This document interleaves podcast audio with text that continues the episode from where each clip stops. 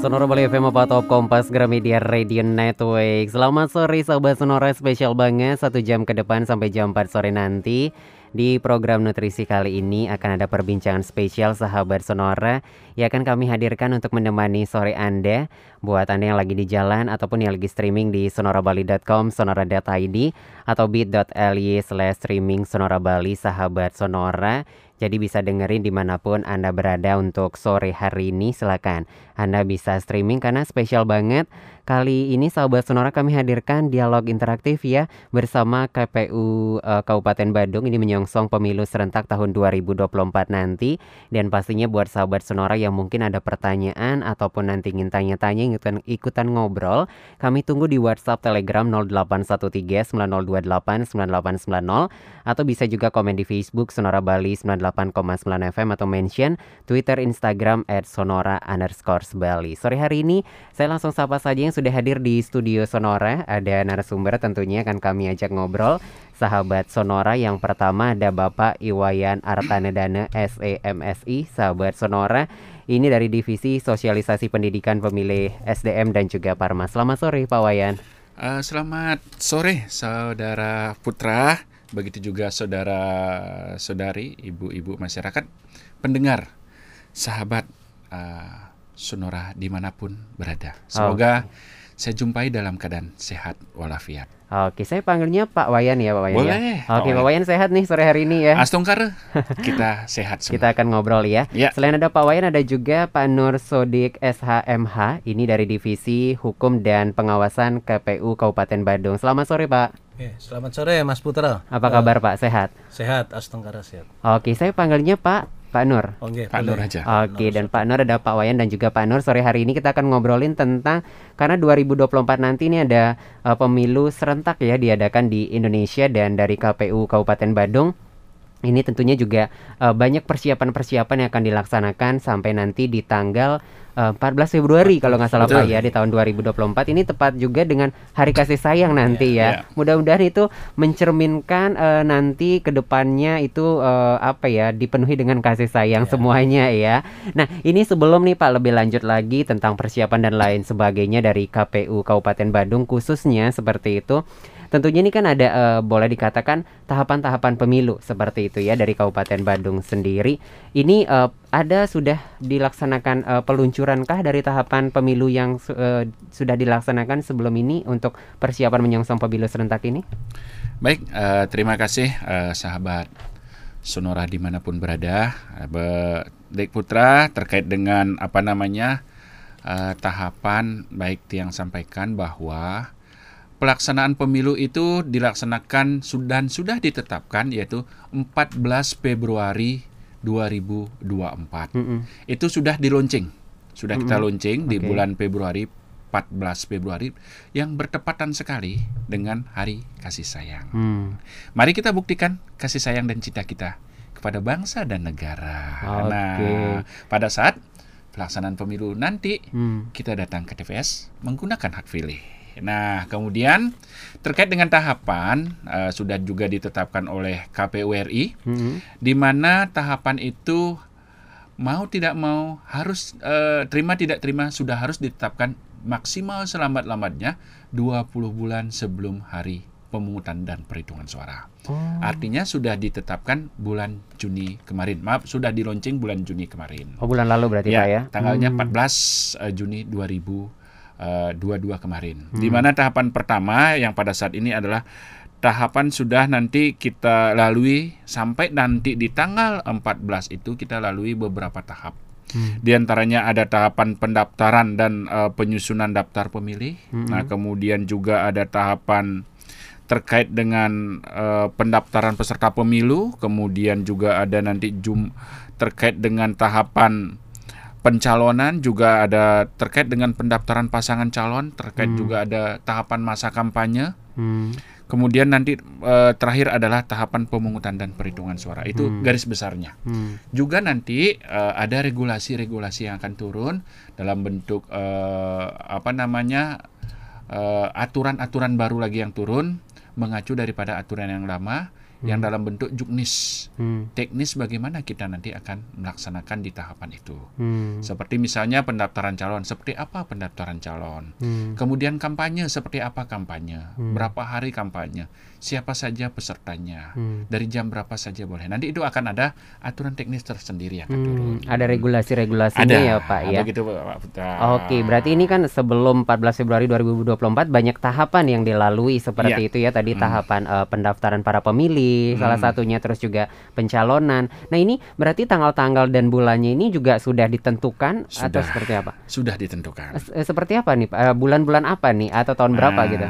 Eh, kalau bisa yang eh, sampaikan yaitu di tanggal 14 Juni 2022 itu merupakan tahapan dimulainya eh, apa namanya pemilu. Kemudian 14 Oktober eh, 2022 sampai dengan 21 Juni 2023 itu merupakan pemutahiran dan penyusunan daftar pemilih. Ini berkelanjutan. Nanti dari tahapan-tahapan ini banyak sekali tahapan yang beririsan yang dilaksanakan bersamaan. Oh. Nah, kemudian eh, kita lanjutkan ke eh, tahapan pendaftaran dan verifikasi peserta pemilu. Peserta pemilu itu adalah partai politik di sana. Ada DPD. Oh. Kemudian nanti ada eh, presiden dan wakil presiden. Hmm. Nah, itu dimulai daripada tanggal 29 Juli 2022 sampai dengan 13 Desember 2022. Hmm. Nah, kemudian di tanggal 14 Desember 2022 merupakan pendaftaran peserta pemilu. Peserta ini mendaftar dia, tetapi sekarang terkonsentrasi di pusat. Oh. Ya, bukan di kabupaten kota. Oke, oke. Nah, nah, kemudian di 14 Oktober 2022 sampai dengan 9 Februari 2023 itu adalah penetapan jumlah kursi dan daerah pemilihan.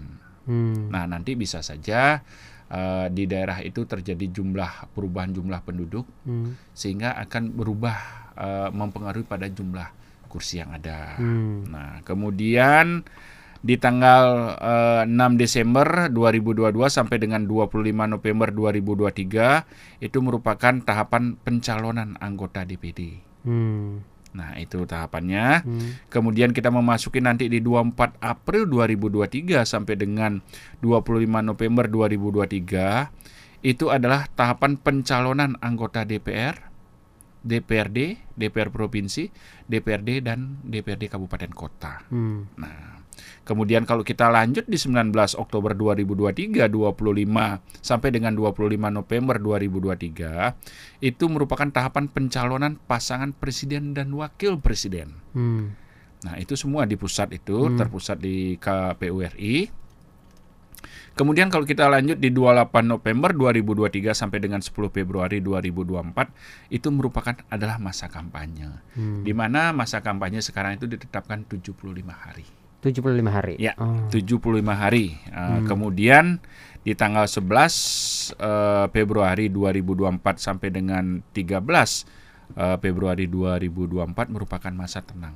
Itu udah ada nggak ada aktivitas kampanye lagi berarti Iya, Pak ya? Tidak diperbolehkan bahkan eh, di hari terakhir yaitu di tanggal eh, 10 malam itu semua alat peraga kampanye, baleho, spanduk, semua brosur dan lain sebagainya sudah tidak ada lagi yang kelihatan. Hmm. Kalau masih ada eh, biasanya yang sudah lewat berdasarkan pengalaman kita bekerja sama dengan eh, dinas eh, Pol PP kabupaten kota yang ada, kemudian dari dinas pertamanan Hmm. akan ikut serta membersihkan baleho maupun spanduk-spanduk yang terpasang. Hmm. Kemudian ada dari Bawaslu, kemudian eh, kita mendampingi dari eh, KPU Kabupaten Kota.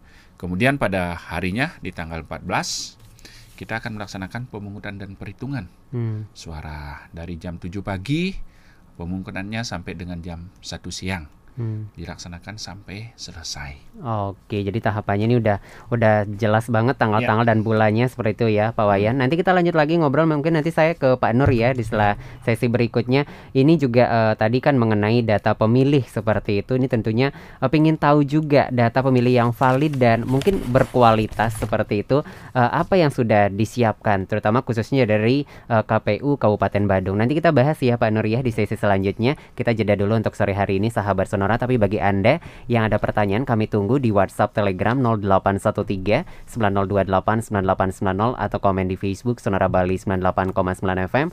Mention juga boleh Twitter, Instagram at Sonora underscore Bali. Kita kembali setelah beberapa jeda berikut ini.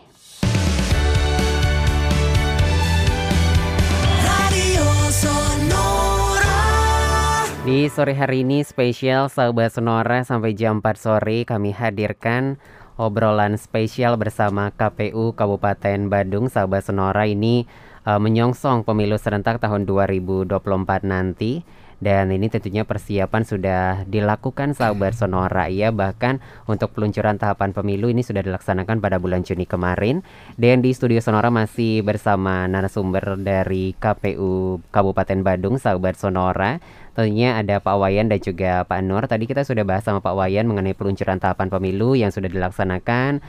Tentunya sahabat Sonora dan uh, udah ada tanggal-tanggalnya gitu ya dari tahapan tahapan pemilu ini sahabat Sonora. Nah tadi tentunya saya ke Pak Nur sedikit ya untuk sore hari ini. Uh, sebelum nanti mungkin ke data pemilih yang valid dan berkualitas yang mungkin sudah disiapkan seperti itu khususnya dari uh, KPU Kabupaten Badung. Ini mengenai tadi kan sempat juga disinggung bahwa ini udah tahap-tahapannya sudah ada gitu ya. Pak Nur. Ini ada regulasi-regulasi yang mengatur seperti itu mulai dari tahap pendaftaran, pencalonan, kampanye, terus penghutang suara dan lain sebagainya. Ini seperti apa Pak regulasi-regulasinya uh, yang diterapkan seperti itu?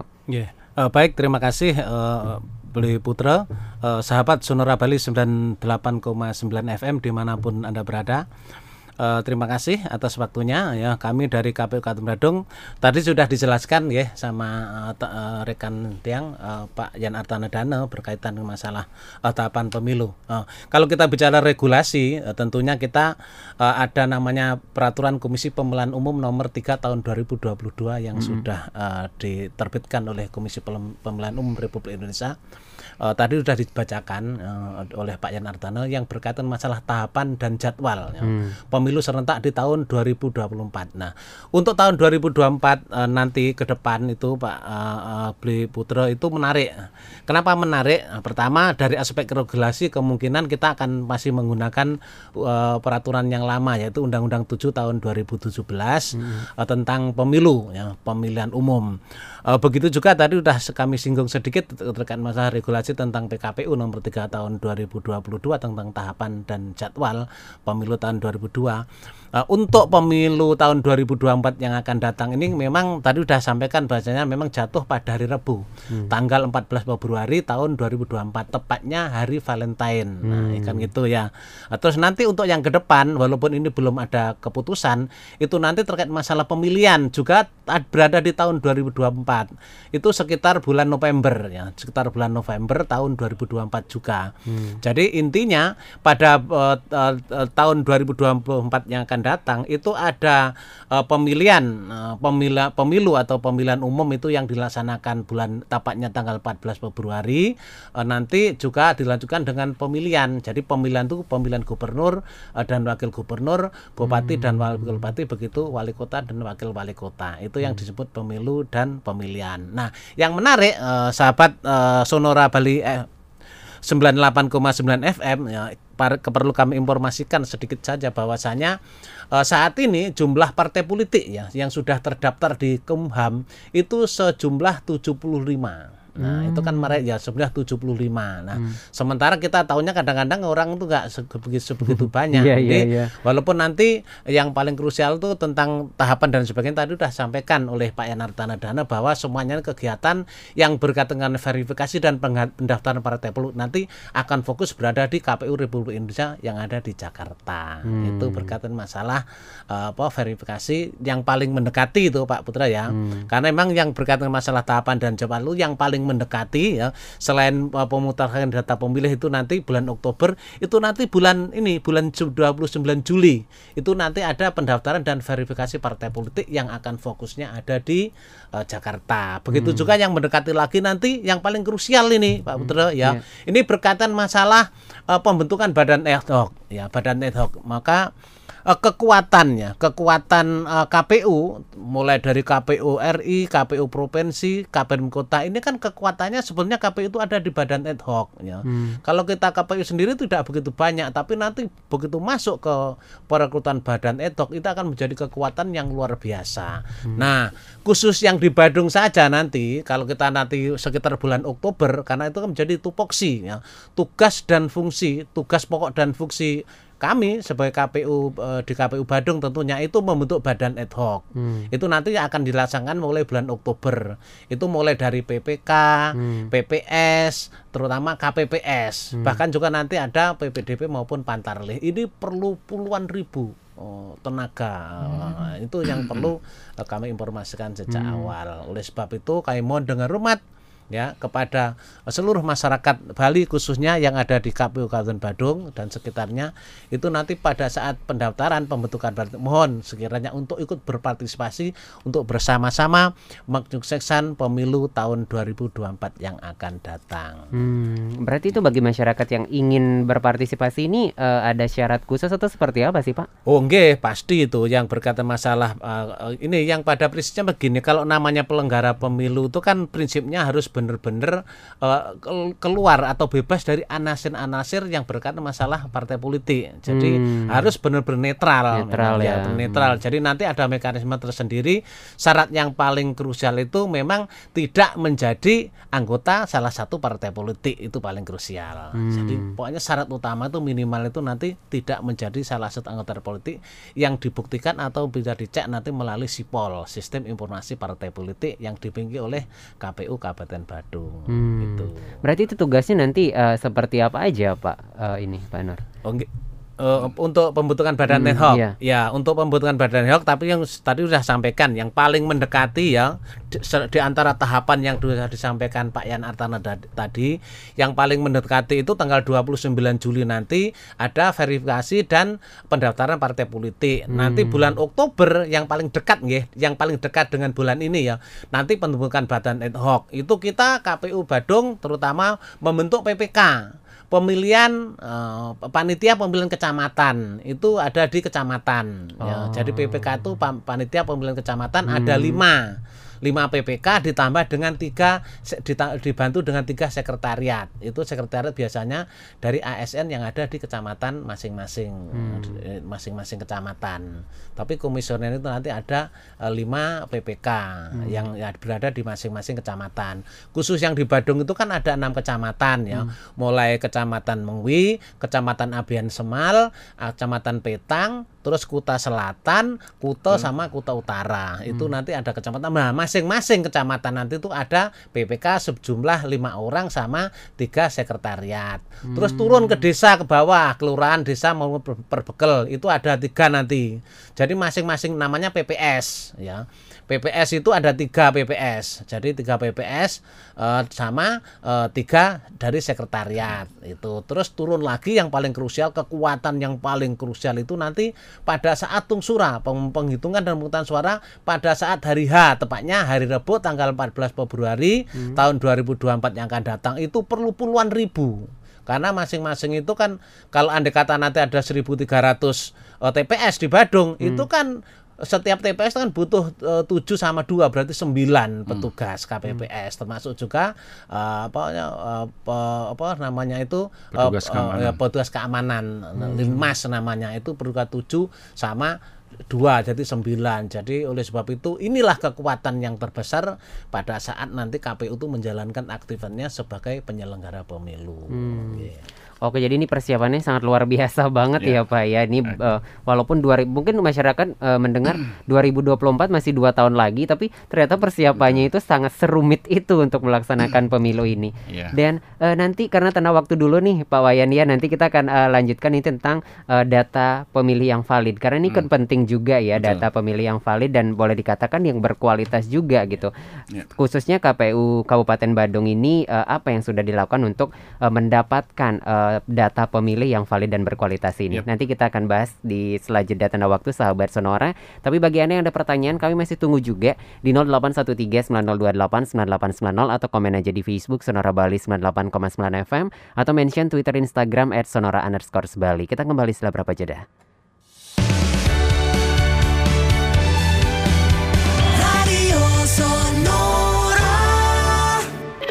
Anda bisa mendengarkan Sonora Bali di mana pun dan kapan pun via streaming www.sonorabali.com.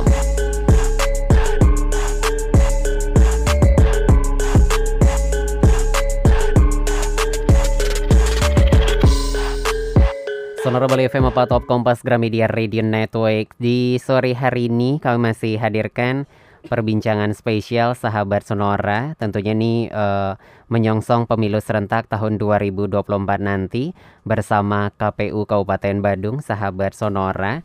Dan di studio tentunya masih bersama Bapak Wayan Artanadana SEMSI sahabat Sonora. Ini dari divisi sosialisasi pendidikan pemilih SDM dan juga Parmas Terus ada juga Bapak Nur Sodek SHMH, ini dari Divisi Hukum dan Pengawasan KPU Kabupaten Badung Sahabat Sonora.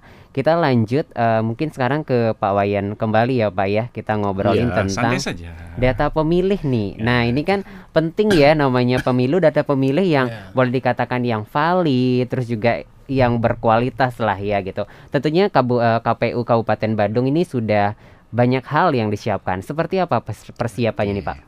Uh, sebelum ke sana, uh, saya memperjelas dan menambahkan lagi mm-hmm. apa yang disampaikan rekan tadi saya Pak Nur, yaitu bahwa di Badung itu kita nanti memerlukan petugas ad hoc, artinya petugas yang dibentuk kalau PPK itu dibentuk 9 bulan, uh, ah, PPK dan PPS itu dibentuk 9 bulan sebelum hari H, hmm. kemudian di tingkat TPS itu dibentuk satu bulan sebelum hari H.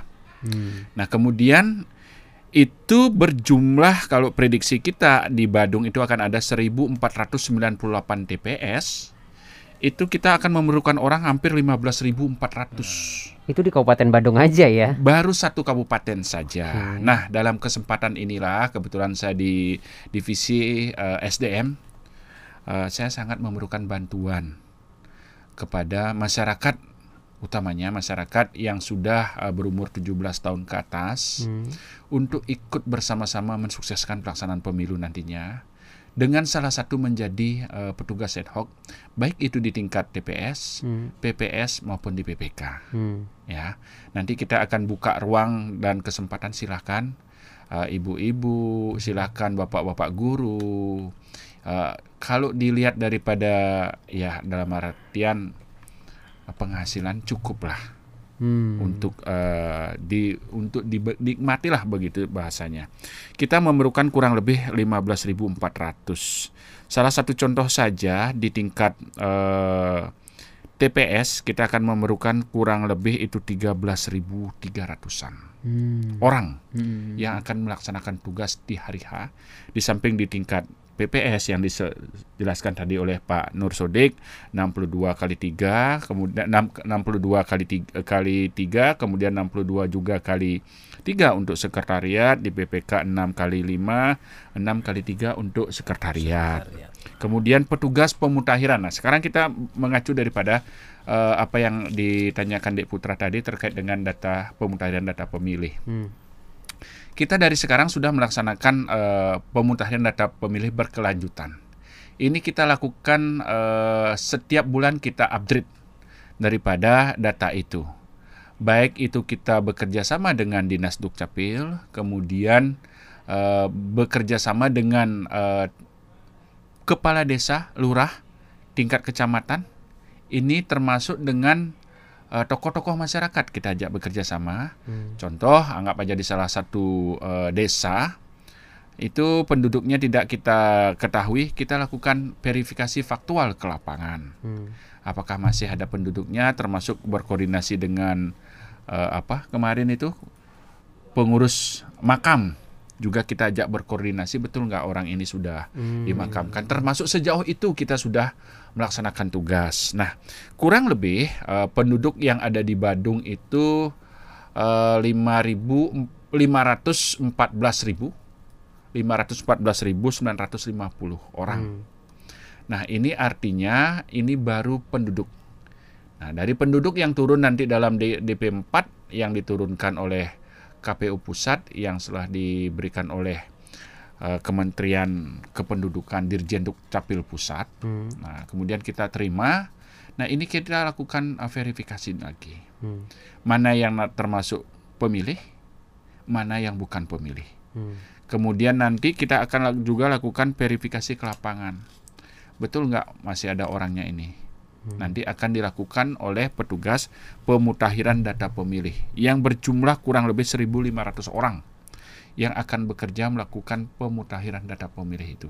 Contoh kita datangi sebuah desa, sebuah alamat, kalau memang orangnya sudah tidak ada, kita masukkan TMS dia di sana, tidak memenuhi syarat.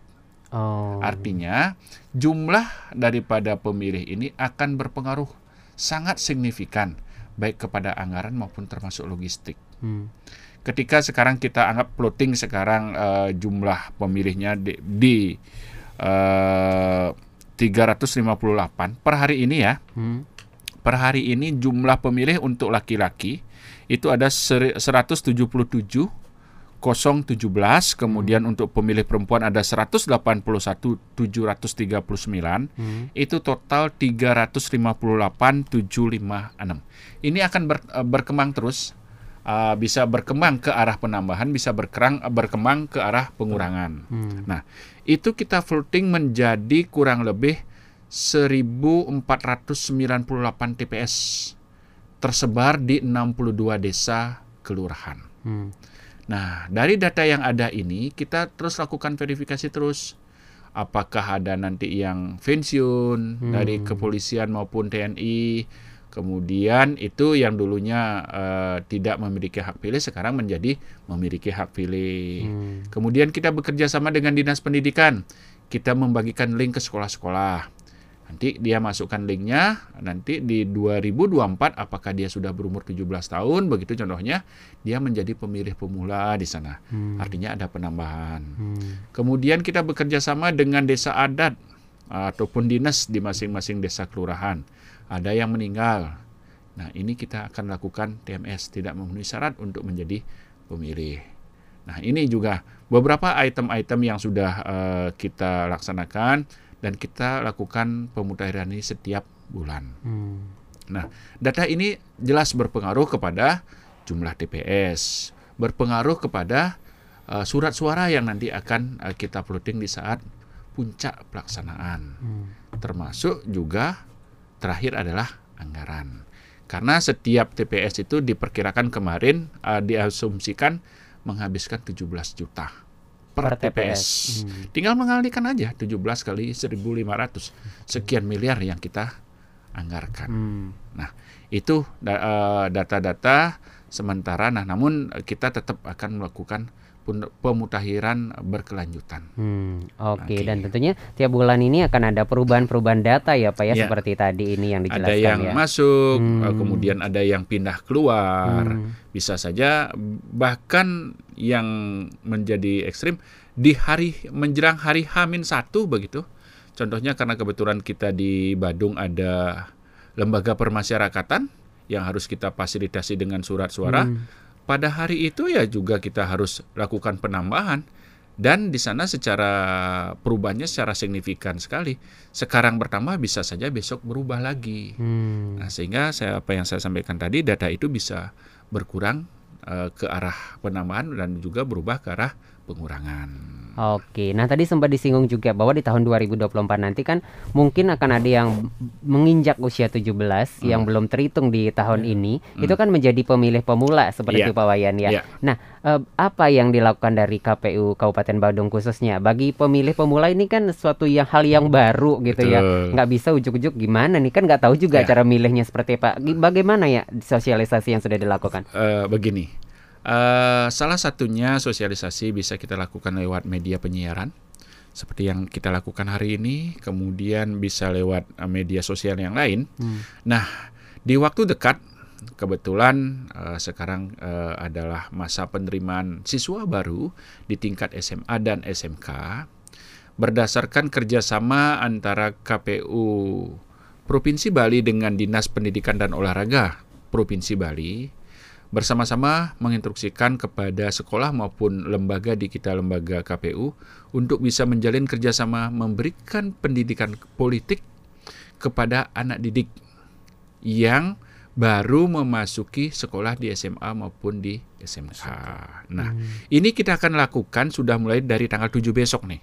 Sampai nanti tanggal 15 itu kita sudah berkoordinasi dan menyurati uh, terhadap seluruh SMK dan SMA yang ada di Kabupaten Bandung khususnya itu berjumlah 28 per hari ini 28. Nah, kemudian ada sudah 9 sekolah yang sudah memberikan jadwal dan waktu untuk kita berikan sosialisasi. Hmm. Nah, artinya nanti kita akan menyampaikan utamanya tentang betapa pentingnya kita melaksanakan hak pilih kita pada saat pelaksanaan pemilu. Kita akan sampaikan syarat-syarat menjadi seorang pemilih seperti apa, apa yang harus dilakukan, dan seterusnya.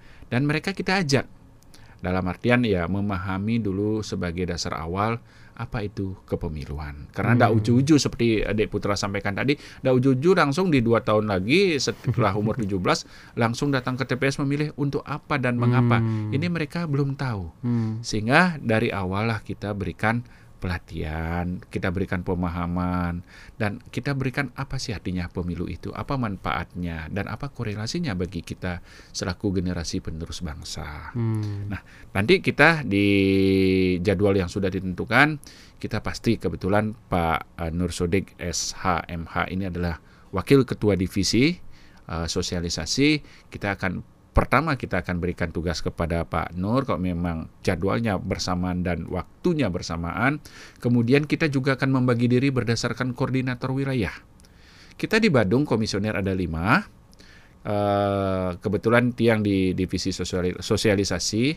Ketika pada saat itu pelaksanaan uh, sosialisasi ke sekolah-sekolah, kita usahakan akan membagi diri berdasarkan eh, wilayah-wilayah yang kita bina Hmm. Istilahnya wilayah binaan seperti saya di daerah Kuta Selatan, Pak Nur Haji ini adalah di daerah Kuta, kemudian rekan kita ada Bu Nesia Magandi, itu dia nanti di Kuta Utara, kemudian ada Pak Semar Cipta dia di Mengui, kemudian Abian Semal uh, Agna Agung Haji Yuse dan kemudian di Petang kembali ada Pak uh, Kayun atau Pak Semar Cipta. Nanti andai kata pun berbenturan, kita pasti akan berbagi lagi hmm. mengatur ritme daripada perjalanan itu. Dengan tujuan uh, pendidikan pemilih kepada generasi pemula. Nah, ini yang kita sasar karena hampir di atas 60% eh, pemilih kita adalah pemilih pemula. Hmm. Di samping pemilih-pemilih uh, segmen yang lain ada segmen uh, perempuan, ada segmen disabilitas, ada segmen tokoh masyarakat, ada segmen yang lain yang mendukung. Nah, syukur-syukur dengan uh, kerja keras dan nanti kita akan minta bantuan juga dengan rekan media untuk dapat memotivasi secara maksimal agar masyarakat yang punya hak pilihnya datang ke TPS menggunakan hak pilihnya. Bukan begitu, Pak Haji? Siap. Oke, okay, baik. Jadi ini uh, udah banyak hal yang dipersiapkan terutama karena lebih banyak para pemilih pemula seperti itu Pak Wayan ya. hmm. ya. Nah, ini kan sebagai uh, warga negara yang baik gitu, kita juga harus memilih seperti ini sebenarnya selain kesadaran kita sendiri gitu. Pak Nur, ini uh, apakah sebenarnya ada nggak sih sebenarnya regulasi yang mengatur kita sebagai warga negara Indonesia gitu kita nggak boleh golput nih kita harus uh, tetap melakukan uh, melakukan pemilihan seperti itu seperti apa sih Pak Nur? Oh. Atau itu hanya kesadaran diri kita aja gitu? Oke, uh, begini Pak Pak Putra ya, yang berkaitan dengan hak dan kewajiban. Nah, kalau di uh, uh, untuk pemilu, pemilu dan pemilihan itu kalau kita sebagai warga negara itu kan bagian dari hak. Hmm hak itu boleh digunakan dan boleh tidak.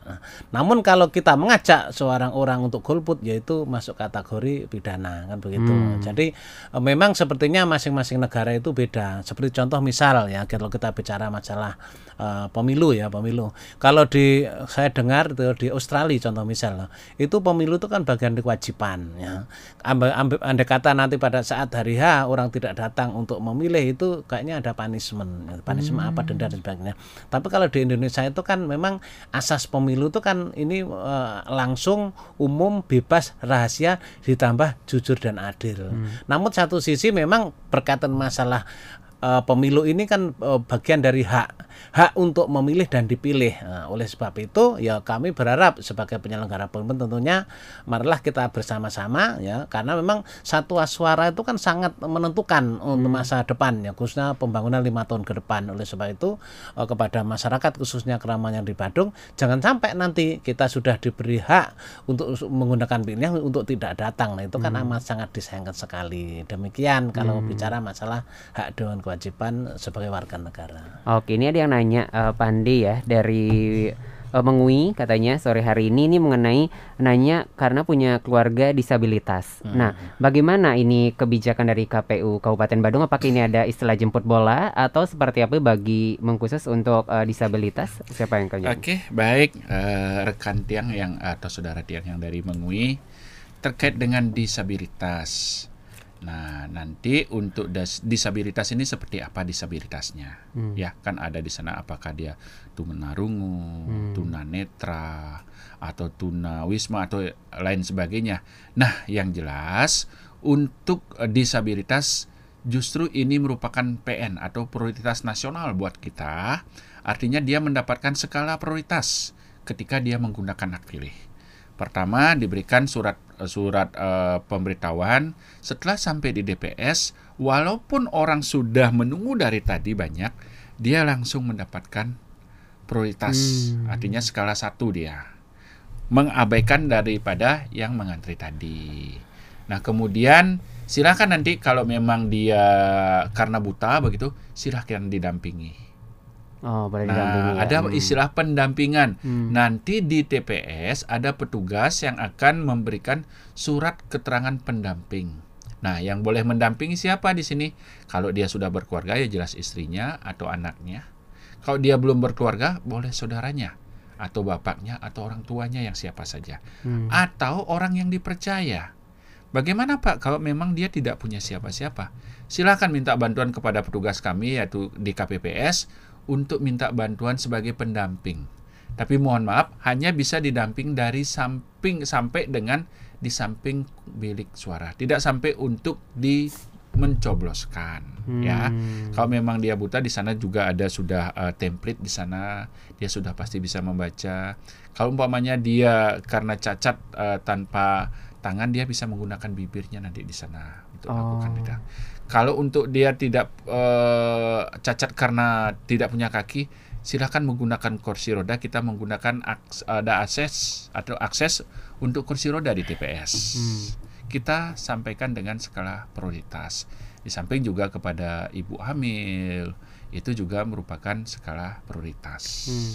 Ya, Oke, seperti itu ya hmm. tadi ya. yang nanya dari Mengui, semoga sudah menjawab untuk sore hari ini dan tentunya untuk yang namanya kita pengen uh, semua warga negara ini datang ke TPS datang ke untuk TPS. memilih seperti ya. itu menggunakan hak suaranya.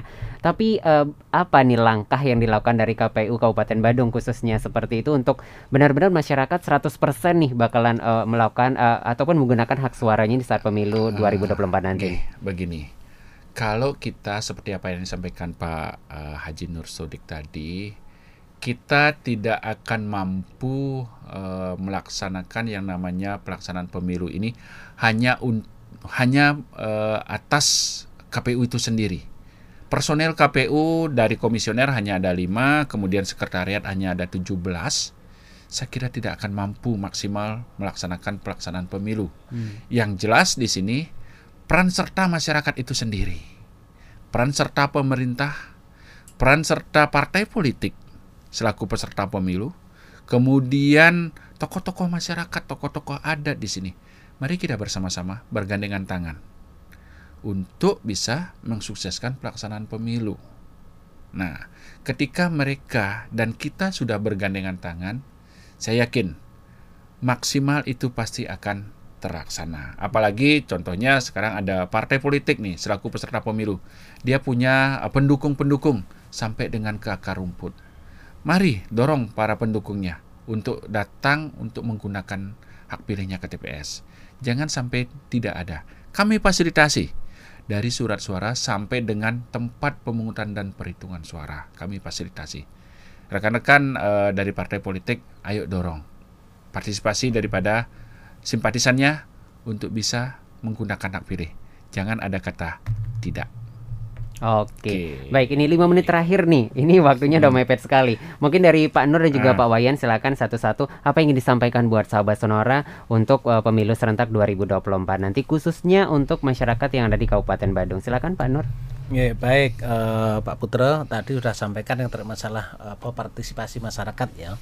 Eh, kalau kita melihat ke data statistik ya, ya data valid statistik yang ada di KPU Badung itu memang di an- antara pemilu dan pemilihan ini ada ada perbedaan yang cukup signifikan ya. Khususnya ini bicara masalah eh, pemilihan ya. Eh, pemil pemilihan tahun 2005 ya, pemilihan tahun 2000 2005 ya. 2005, 2010 dan 2015. Itu pemilihan tahun 2005 itu eh, 82 sekian persen untuk di Badung. Tahun 2010 turun menjadi 78, koma sekian persen. Tahun 2015 itu turun lagi menjadi 68 sekian persen. Nah, kemarin khusus di tahun 2020 ya, ketepatan kami ini kan eh, komisioner di periode 2018 sampai 2023. Nah, pertama kali kemarin pada waktu pem- pemilihan tahun 2020 kemarin dengan calon tunggal istilahnya dengan lawan kotak kosong atau istilahnya kolom kosong itu ternyata eh, apa pada pemilihan tahun 2020 yang terakhir kemarin itu eh, ada perubahan yang cukup signifikan khususnya di Kabupaten Badung. Jadi tingkat parmasnya itu eh, se- sebanyak eh, 84 hampir 85 persen. Lah ini menjadi catatan yang cukup luar biasa. Padahal di mana-mana kalau pada saat ada pemilihan dengan lawan kosong kolom kosong itu biasanya kan parmanya rendah. Lah ini tidak lah. Ini membuktikan bahasanya Kerama Badung tuh eh, mulai pemahaman tentang demokrat demokrasinya akan apa peningkatan cukup luar biasa. Lah, kita berharap nanti dalam pemilu 2024 yang akan datang apa, apa apalagi tadi dari seluruh regulasi dan semuanya sudah disiapkan oleh pemerintah khususnya oleh eh, apa oleh penyelenggara pemilu khususnya Kak Badung ya. Kita berharap tadi juga disampaikan eh, secara secara detail oleh Pak Yanardana Dano yang berkaitan masalah bagaimana menggugah eh, pemilih pemula melalui peran-peran yang ini kan cukup krusial. Tadi sampaikan baca dalam masa MPLS ini masa pengenalan lingkungan sekolah ini tadi digeber eh, untuk pemilih pem- pemula supaya apa? Supaya tingkat partisipasi nanti ya cukup, cukup akan menjadi lebih eh, lebih meningkat lagi harapan kita sebagai penyelenggara pemilu. Oleh sebab itu kami menghimbau juga mengharap kepada seluruh kerama yang ada di Badung ya baik nanti eh, pada saat ada apa ada saat pembukaan atau pendaftaran eh, badan ad hoc mari kita bersama-sama berperan aktif. Begitu juga pada saat nanti pada hari H tepatnya tanggal eh, 14 Februari tahun 2024 yang akan datang marilah kita gunakan hak pilihnya dengan sebaik-baiknya. Supaya apa? Supaya jangan sampai nanti eh, hak yang sudah kita berikan oleh masing-masing pemilih nanti tidak gunakan dengan sebaik-baiknya. Demikian eh, dari saya closing Baik. statement.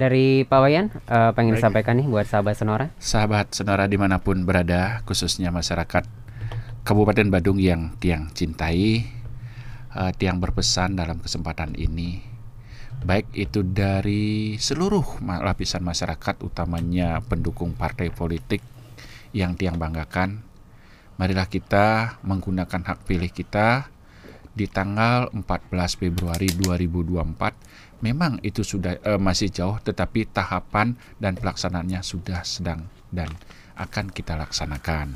Gunakanlah hak pilih Bapak Ibu di TPS dengan benar, jangan salah sehingga salah itu menyesal untuk eh, lima tahun berjalan. Mari kita sukseskan bersama-sama, baik itu Bapak Ibu sebagai penyelenggara eh, ikut beserta sebagai penyelenggara maupun maupun berpartisipasi nanti dalam menggunakan hak pilih untuk datang ke TPS. Demikian yang sampaikan dan terima kasih. Baik, itu ya sahabat Sonora tentunya obrolan kita spesial banget di sore hari ini bersama Bapak Iwayan Artanadana SEMSI ini dari Divisi Sosialisasi Pendidikan Pemilih SDM dan Parmas. Terus juga Pak Nur Sodik SHMH ini dari Divisi Hukum dan Pengawasan KPU Kabupaten Badung. Terima kasih Pak Wayan dan Pak Nur sudah Terima meluangkan kasih. waktu kasih. di tengah kesibukannya sangat luar biasa pastinya Nggih, ya. Pasti. Mudah-mudahan nanti di pemilu 2024 semuanya berjalan dengan baik khususnya Kabupaten Badung ya Pak ya. Astungkare, amin. Oke, sobat sonora itu di obrolan kita untuk sore hari ini. Tapi bagi anda yang kelewatan nanti bisa kembali anda dengarkan obrolan ini di Spotify. Cara aja Sonora Bali FM akan diupdate di sana, sahabat Sonora. Se- sampai di sini dulu obrolan spesial di sore hari ini bersama KPU Kabupaten Badung menyongsong pemilu serentak tahun 2024 dan tentunya gunakan hak pilih Anda sahabat Sonora di tanggal 14 Februari di tahun 2024 untuk lima tahun ke depan tentunya ya. Terima kasih atas kebersamaan Anda. Habis ini selanjutkan program Ngopi Sore sampai nanti di jam 6 sore di jam 5 nanti kita ada sesi Kopaja. Kita obrolin problematika remaja. Tetap di Sonora Bali, a part of Kompas Gramedia Radio Network.